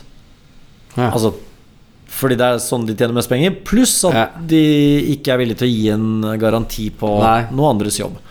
Eh, så en av lærdommene der sånn var jo liksom det med å ha plan B. Ikke sant? Og, og, Mm. og sikre seg i forhold til um, Og der fikk vi jo hjelp fra banken, da. eh, for de også hadde jo låst penga sine. Og fikk hjelp fra de til å sluttføre, men vi fikk da en bot fra kommunen, for vi var ikke ferdig i tide. Og så, når vi da først ble ferdig i tide, så kom jo koronaen. Mm. Okay. Så, så det, det var en av Jeg skal hooke på den andre historien i tillegg. Fordi Jeg får bare fråga, jeg får bare uh, Ja. stille spørsmål der. Hvordan kunne eh, hur kunde du sikra dig eh, i den situasjonen? Veldig godt spørsmål. Uh, en av de tingene vi kunne ha gjort, som vi ikke gjorde, var å velge en byggeleder som vi betalte for, som var på vår side, ikke fra bankens side. Altså som en takstmann som banken setter inn for å evaluere fremdriften for å kunne utbetale byggelån. Men å ha en byggeleder, prosjektleder eller byggherrens representant, som det også heter. da Veldig ofte så vil man spare de pengene når man da driver i småskala og den, prøve Ja. å gjøre den jobben selv. Og Ja. det er vel det, Der kunne vi ha styrt, skal vi si, reboundsen bedre enn når vi eh, egentlig bare stolte på at de hadde full kontroll. Og, og det andre er å ha en god dialog med banken fra dag én for å høre om de kan evaluere saken fortløpende sammen med dere. For det endte jo opp med at vi fikk tre-fire selskaper fra de som kunne ta på seg jobben. Som da vi var villige til å bare rive det de måtte rive, for å sikre seg at bygget var bygd riktig. Sånn at de kunne ta på seg ansvaret for, eh, for garantien. Da. Og Ja. parallelt med det her så drev vi og gjorde om et bygg eh, som skulle da total Altså Det skulle strippes, dras ned og så bygges opp, eh, egentlig. Eh, det er en nyutvikling, det også. Der eh, hadde vi da lært litt underveis og satt på plass en prosjektleder som vi da fikk anbefalt av banken. Og dette er en av de største europeiske bankene liksom, som da anbefalte. Bare ja, bruk det selskapet her som prosjektleder. Og så mm, får vi da ukesrapporter som da også går til takstmann, eller til en tredjeparts eh, eh, Ikke offentlig takstmann, men en surveyor. Det er en som på en måte er uavhengig kontroll, på en måte. Eh, som er da stemplet av uavhengig kontroll, sendt til banken for utbetaling av fakturaer og få pengene. Og så viser det seg da at uh, vi, vi drar ned for å følge opp det prosjektet, og så har de da tatt bilder fra et annet prosjekt. Betalt uavhengig kontroll under bordet for å stemple. Fått ut pengene fra banken i da en del måneder. Altså, noe av det Nå skal det sies da at banken og vi eh, anmeldte jo dette her, så de to sitter jo inne. Eh, så det, Ja. det, er ikke, det er ikke det. Men når vi dro over, så viser det seg at tomta var urørt. Vår tomt var urørt, da. Mens rapporter, bilder og alt sånt var fra en annen tomt. Og Faen, så sjukt. ja, det, du, det er, noe av det, det er noe av det sykeste jeg har vært borti. Men også Og det, det skal mye til for at noe sånt nå kan skje i Norge, tenker jeg, da. Ja. England er, er jo litt sånn kjent for uh, litt sånn cowboyvirksomhet, hvor alle skal tjene penger på litt, uh, alle sammen. Men, men lærdommen der er noe jeg har brukt i det daglige. Og det er mm. en mentor av meg som sa Jeg fløy over, jeg tror det kosta meg 200 000 kroner for å få én time med han i coaching eller mentoring. Pluss da flybilletter over hotell, mat osv. Så, videre. så jeg var, jeg var hjemme hos han i to og en halv, tre dager. Og skulle da få coaching og mentoring. Og på denne casen så kom han med tre ord Mm. som han mente var verdt min tur og de 200 000 som jeg betalte for hans tid. Det var Ok, nå sitter jeg Nå skal jeg bare ta fram pennen, så skal jeg skrive ned eh, Tre ord. worth 200k. Trust but verify. Okay. Trust but verify. Yes. Han bare Det gjelder uansett hva du driver med. Trust but verify. Så vi stolte jo på at jobben var gjort, osv. Men vi verifiserte det aldri. Så Nei. jeg kan komme til deg og si at denne eiendommen, Daniel, hvis du kjøper den, den her er egentlig verdt fem millioner, men du får den av meg for fire og en halv. Mm. Stol på meg, men verifiser det med en megler eller en takstmann. Uh, se på rapporten. Stol på den, men verifiser en gang til. Eh, det kan være Og det samme gjelder jo Det, det har skjedd flere ganger. Altså det er eh, sant, du, du stoler på en håndverker som sier ja, dette skal ordne seg. Men Ja. verifiser det med en annen tredjepart på at yes, det der er gjennomførbart eller ikke. Så mm, på de to prosjektene, pluss da det tredje prosjektet som vi var i ferd med å, å selge i fjor eh, vår, det er et, en bed and breakfast som vi tok over. Som vi skulle dele opp til å bli bokollektiv. Men så viste det seg at eh, det var ikke det at eh, bokollektiv var bedre marginer på, men det var bare vi kunne optimalisere virksomheten i eksisterende bed and breakfast. Så vi gjorde egentlig en business turnaround istedenfor okay. da også gjøre om et kommersielt bygg til bolig, og så leie det ut som bokollektiv. Og da var målet Og vi kjøpte den i 2018. Og så gjorde vi en business turnaround i løpet av 2019, for da hadde vi tenkt å selge i 2020 med regnskapstall fra 2019 som var veldig, veldig bra. Altså, vi hadde vanvittig bra belegg. Og 2019-tall, fantastisk bra, skulle til å selge, og så kommer koronaen. Og nå så prøver vi Hvis vi prøver å selge nå, så prøver da de som skal prute eller forhandle, eh, Ja. å si at ja, men 2020-tallene deres er jo elendige. Så bare ja, det vet vi, fordi at vi fikk ikke lov til å leie ut i 2020 pga. pandemien. Nei. Så normaldrift er 2019, og så, og så er det liksom der forhandlingene går på nå. Så det er halt ut litt. Så på de tre prosjektene til sammen så er jeg eh, medeier. Altså jeg eier hovedselskapet 50-50 med en partner av meg, og så har vi en del medinvestorer. Bare på det så har jeg tapt rundt fem, mellom fem og seks millioner kroner. Av egne sparepenger. Så Ja, fy fasen. Det er tøft, kan jeg tenke meg. Blir det videre satsing i eh, Storbritannia fremover også, eller kommer du slutte med det? Eh, Jeg kommer nok til å Målet var jo egentlig å avløse dette før det gikk dårlig, faktisk. Så, Ja, det tipper jeg. så, så vi, ja, vi Vi hadde tenkt det, for det blei for mange reisedager, rett og slett. Ja, okay. uh, så Ja. så nei, det er en annen ting jeg lærte med å investere i utlandet, som er bra. Det er at du må faktisk bygge opp et power team og trekke deg unna. Virksomheten. Ikke sant? Du, du kan ikke være hands in hele tida. Men uh, det som er ulempen, er at du bør ha et veldig sterkt lokalt nettverk der. Jeg hadde et intervju med to fra från Göteborg som heter Nana og Emily som investerer i Storbritannien. Ja. Og taken som jeg fikk med meg fra det eh, var just det du tar opp där. Alltså hur, hur viktigt det är. Alltså visst man har ambitioner till å bli stor. Det må man gå til å være stor i tankesettet redan från start. Exactly. Du må ha power team. Och det der også, ytterligere en gang. Klyschan som jeg har hørt, men ikke riktig forstått før man liksom forstår eh, innebörden av det. Det fikk jeg ifrån eh, det avsnittet der. Det er Nana og Emily från episode 20. Grymt eh, avsnitt. Sykt rått. Ja, ja, det, det, det var jo litt av det som var suksessen min i Norge også. Det var jo fordi at jeg måtte drifte utleien min uten at jeg var der fysisk. For da var jeg mye ute og reiste, ikke sant. Uh, men eh, England for min del eh, Det er mange flere muligheter i England enn i Norge, f.eks. For, eksempel, for det norske markedet er veldig synkront. Er, Ja. er det en endring, så skjer det stort sett over hele landet.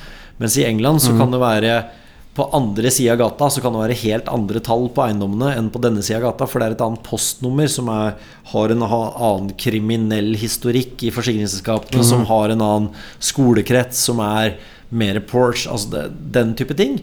Så man man kan spille på flere risikohester, da. Altså du, du kan fordele risikoen veldig, og det er det vi gjorde med Liverpool.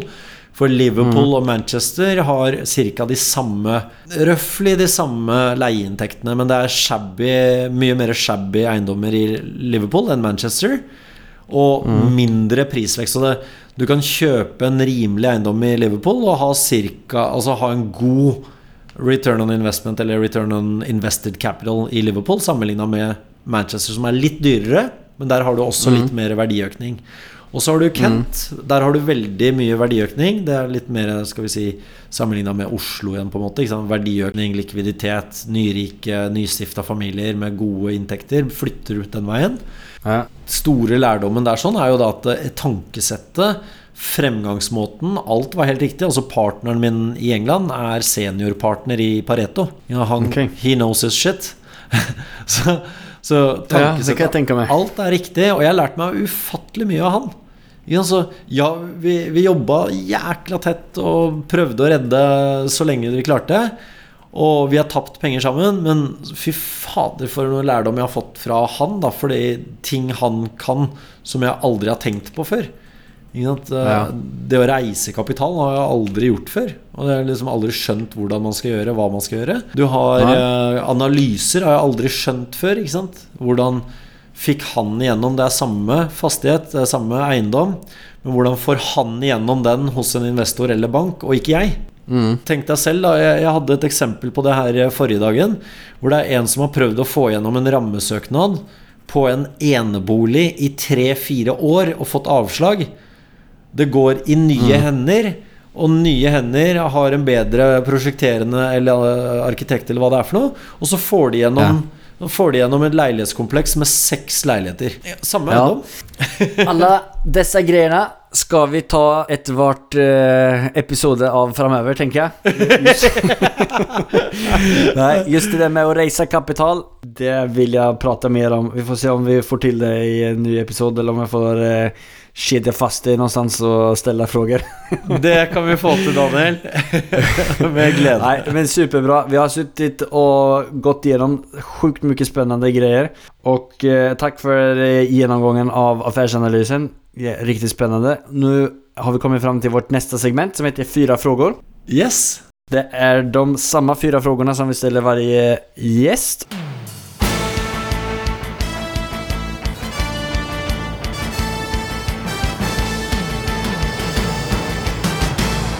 Cuatro preguntas. Och den första frågan är som följer. Vad är det som skiljer från en framgångsrik entreprenör mot de som inte lyckas, slutar eller aldrig kommer igång? Veldig godt spørsmål. Jeg tror eh, det ene som I hvert fall for min del, da. eh, Jeg har jo vært i det scenarioet hvor jeg ikke lykka, kom i gang eller eh, fikk ræva opp av sofaen, rett og slett. Det, Ja. det er at jeg overkompliserte ting. Igjen. Prøvde å liksom tenke gjennom alt, gjøre alt på egen hånd. Turte ikke å spørre. Turte ikke å eh, Også når jeg først begynte med det, så fikk jeg ikke den hjelpen jeg trengte. Så, så det jeg tror eh, skiller en eh, fremgangsrik og en som ikke kommer i gang, etc., det er enten at man ikke er desperat nok, eller inspirert nok.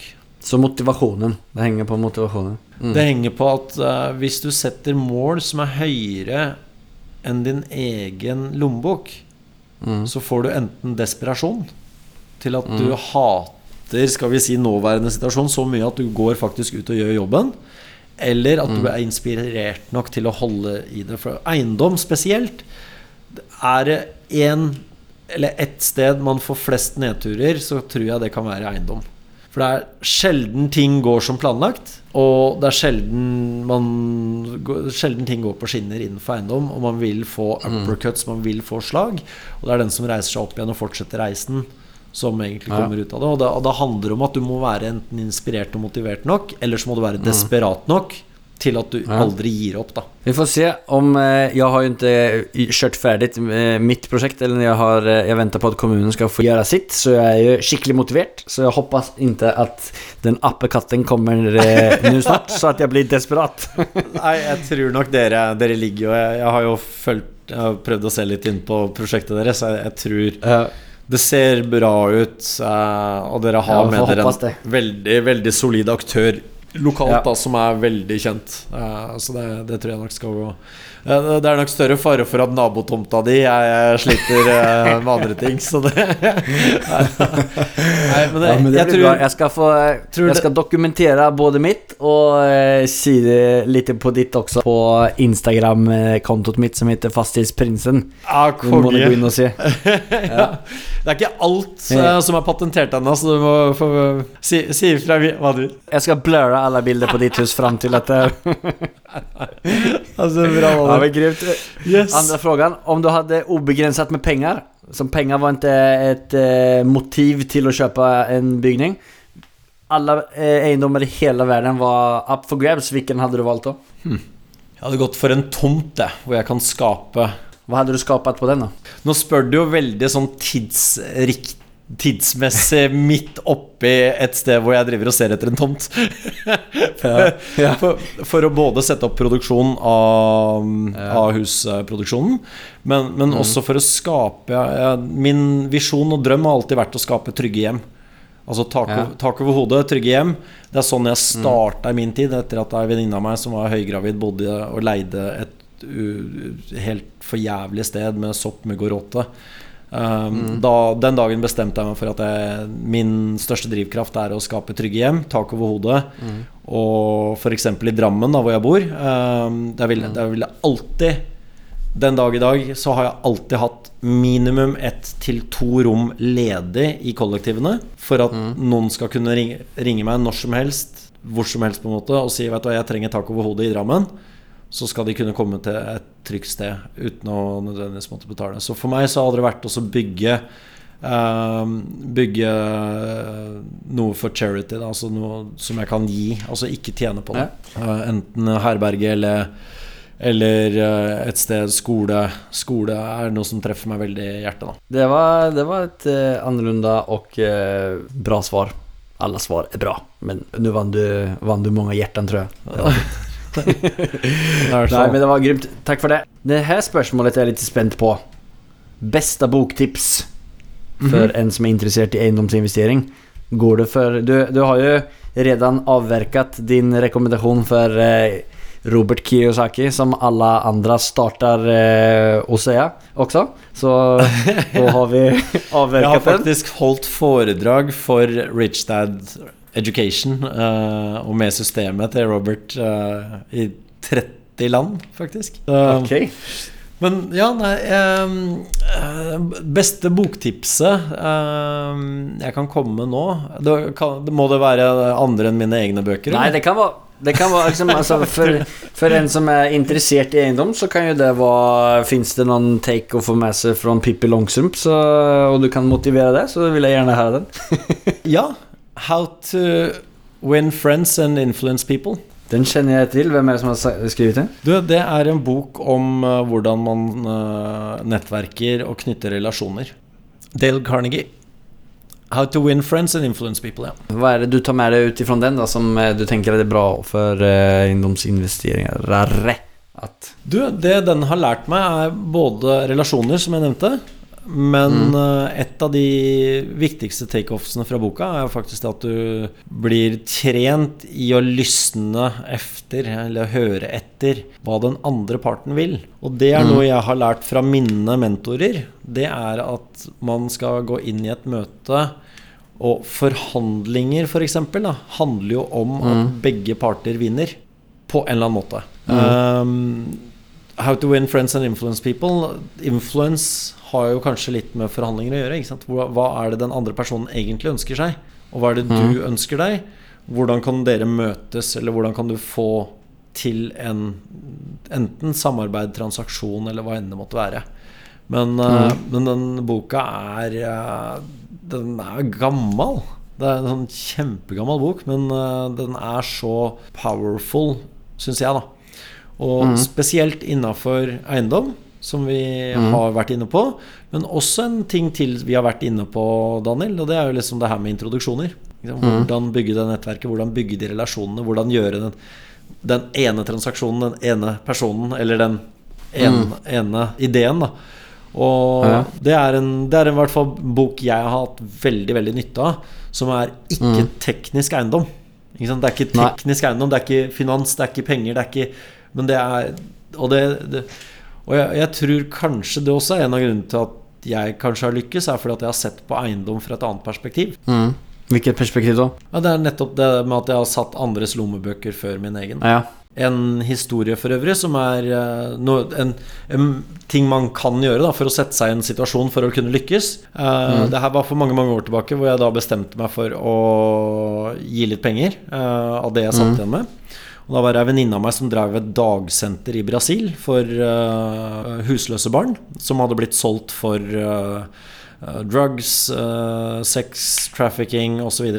Og hennes skal vi si, dagsenter var det eneste stedet de kunne være med tak over hodet og kunne få mat i magen og kunne lese bøker. da Så holdt jeg på å hver jul så sendte jeg over penger så de kunne kjøpe inn litt bøker og litt mat. Og for meg å være lat da var vanskelig. Fordi jeg visste at jeg, kan, jeg har et valg om å være lat. Jeg har et valg om å ikke gidde å jobbe. Men om jeg tar det valget, så vet jeg at det er 17 barn fra en alder på 2 til 17 som vil enten ikke ha tak over hodet, ikke ha julegave eller ikke mat i magen. Og ja, igjen, det høres klisjé ut, men for meg så var det det jeg trengte for å få spark i ræva, for å ikke sette meg ned på sofakroken, og for å gå ut og fortsette pushe på, da. Hæ? Og da, lærte, da skjønte jeg det, at akkurat eh, sånn funker Rajivli her. Han må ha et eller annet som enten er inspirasjon eller desperasjon. Som må sparke deg ut av komfortsonen, som må ut og ta den telefonen, eller må ut og dra på den visninga. Ja, du er trøtt, ja, du er sliten, ja, du har tatt penger, eller hva enn det måtte være, men sett en målsetning som er større enn deg selv, da. Nei, det var mange jæklig bra eh, punkter som jeg noterer meg ned her. Det var veldig bra greier der. Siste spørsmål. Yes, sir. Nevn det mest storartede, morsomme, minnesverdige settet som du har feiret en gjennomført affære på. ja, ja, alla som börjar med att skratta till den där frågan, det har ett, eh, ett bra svar. Så det ser bra ut. Du, vi gjennomførte en affære som vi ikke fikk eh, feira. Fram til den blei kåra til den beste affæren. Okay. eh, på en galla. hvor vi da kunne kjøpe lodd for ulike premier da, under gallamiddagen. Og så endte det opp med at eh, min partner da liker sånn lodd eh, Kjøp av lodd og gamble litt. Så han kjøpte så mange lodd at eh, vi endte opp med å vinne en yachttur i fire dager med åtte pers vi kunne velge å ha med. Og en tur til NIS, hvor vi da fikk lov til å kjøre mm, 16-17 ulike veteransportsbiler. På da Monte Carlo Rally og på Formel 1-banen to dager før Formel 1 i Monaco. Eh, Så fant vi ut at eh, vi- vi visste jo ikke helt hva årsaken til at vi skulle gjøre de greiene var, så vi valgte da å kalle yacht-turen og eh, kjøreturen da for feiringen av en gjennomført transaksjon. Ok. Fordi at vi fikk det på den gallaen hvor den transaksjonen ble kåra til den beste, tra eh, beste transaksjonen av newcomers. Da. Altså vi var jo newbies. Så blant de, nye, eller blant de yngste investorene så var vi som hadde gjort den, den beste transaksjonen der. Og den ble da mm. feira, så blei jo typen en sånn insane feiring på yachten og da disse bilturen, som på en måte var en sånn helt off the mark Altså uh, feiring, rett og slett. Sånn Ja, ja, jeg minnesrik feiring, da. Og, og så fant vi ut at uh, årsaken til det var jo den ene transaksjonen som vi gjennomførte, og det var med business turnaround med den bed and breakfasten. Som vi nå tapte penger på i år, da. så det var den beste transaksjonen jeg, i jeg var å 2018. liksom eh, Ja. koppla altså, Det første den gjorde var business turnaround. Mm. Og det ble ni det for beste bästa genomföringen och så satt ni på den och så skulle ni sälja den Mhm. och så gick det mindre bra. Så Ja. det är både en av den bästa och de sämsta dealarna som har gjort. Exactly. Fin eh, summering av den. eh. ja. Og med den så kom jo da yachtturen og Ja. da bilturen i tillegg. Så, det, så minnesmessig så en veldig lærerik transaksjon, da. Den sjekker av liksom mange av dine sånne ytre punkter av eh, boks her. bra. Ja, men det var spennende. Takk for svaret på det.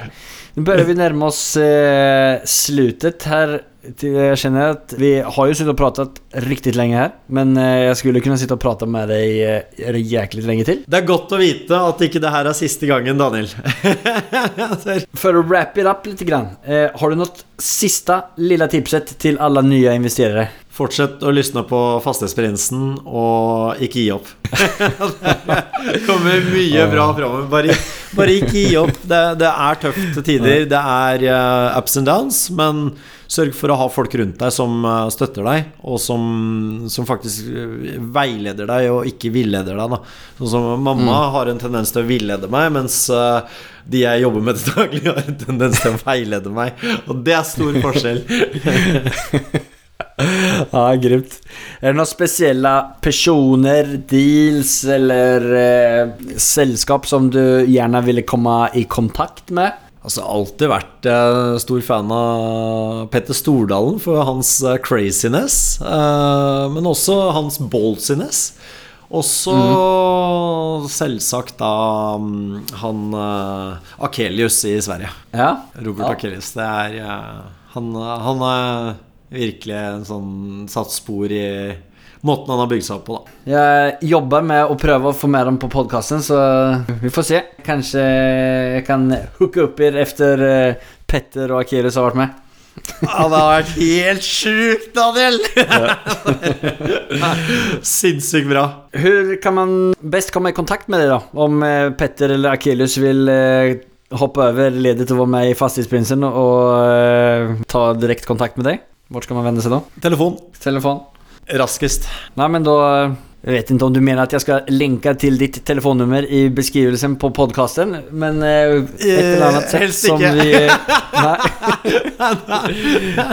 Men eiendomskoden kan enten ta hjemmesiden min, hvis det er en direkte transaksjon, eh, på rajivlihar.com, eller uh, hvis det er relatert til, skal vi si, andre generelle henvendelser eller spørsmål, så er det eiendomskoden.no. Ja men bra, men da lenker vi til deg og inntil til Rajivs telefonnummer i beskrivningen så får vi se om eh, han gir ut det efter eh, det du har sendt Ja, fantastisk bra. Så himla kul å ha fått snakke med deg, Rajiv og det har vært Sjukt lærerikt. Jeg har notert ned for fulle mugger og kommer garanterat eh, lyssna gjennom det her. Supert og tusen, tusen takk for at eh, du ville være med. Det har virkelig vært lærerikt og kul. Tusen hjertelig takk selv, eh, Daniel. Det har vært uh, givende og spennende, og jeg gleder meg til fortsettelsen av din reise også. Så dette blir kjempebra. Ja, men tack för det. Da får du hoppe tilbake inn i reisevesken og reise videre i morgen. Så hoppas at vi snakkes snart igjen. Ha det bra. Hei da. Hei. Det blev ett lite längre avsnitt än vanligt och det var uppenbart för att det var dumt att klippa ner det till en timme bara för att det skulle passa in i formatet. Rajivs energi och passion för egendom slash fastigheter imponerar mig och är en känsla jag kan relatera till. Hans lösning i den där dealen, som han inte fick finansiering till, har ockuperat mina tankar den sista tiden. Den sätter verkligen fingret på att den som är mest kreativ klarar av att finna på massa spännande saker i den här branschen. Konklusionen på det er desto mer kunskap du har, desto fler verktøy har du å kunne plukke fram når de andre kanskje tror at det er slut for en deal og du får den for småpengar. Så jeg fortsetter å suge åt mig alt mine skjønne, dyktige gjester har. Og shit, nå er klockan mye. Jeg må hoppe inn på nettbanken og se hvordan mitt saldo ser ut på mitt Sweat Equity-konto. Snickly snackers ha det!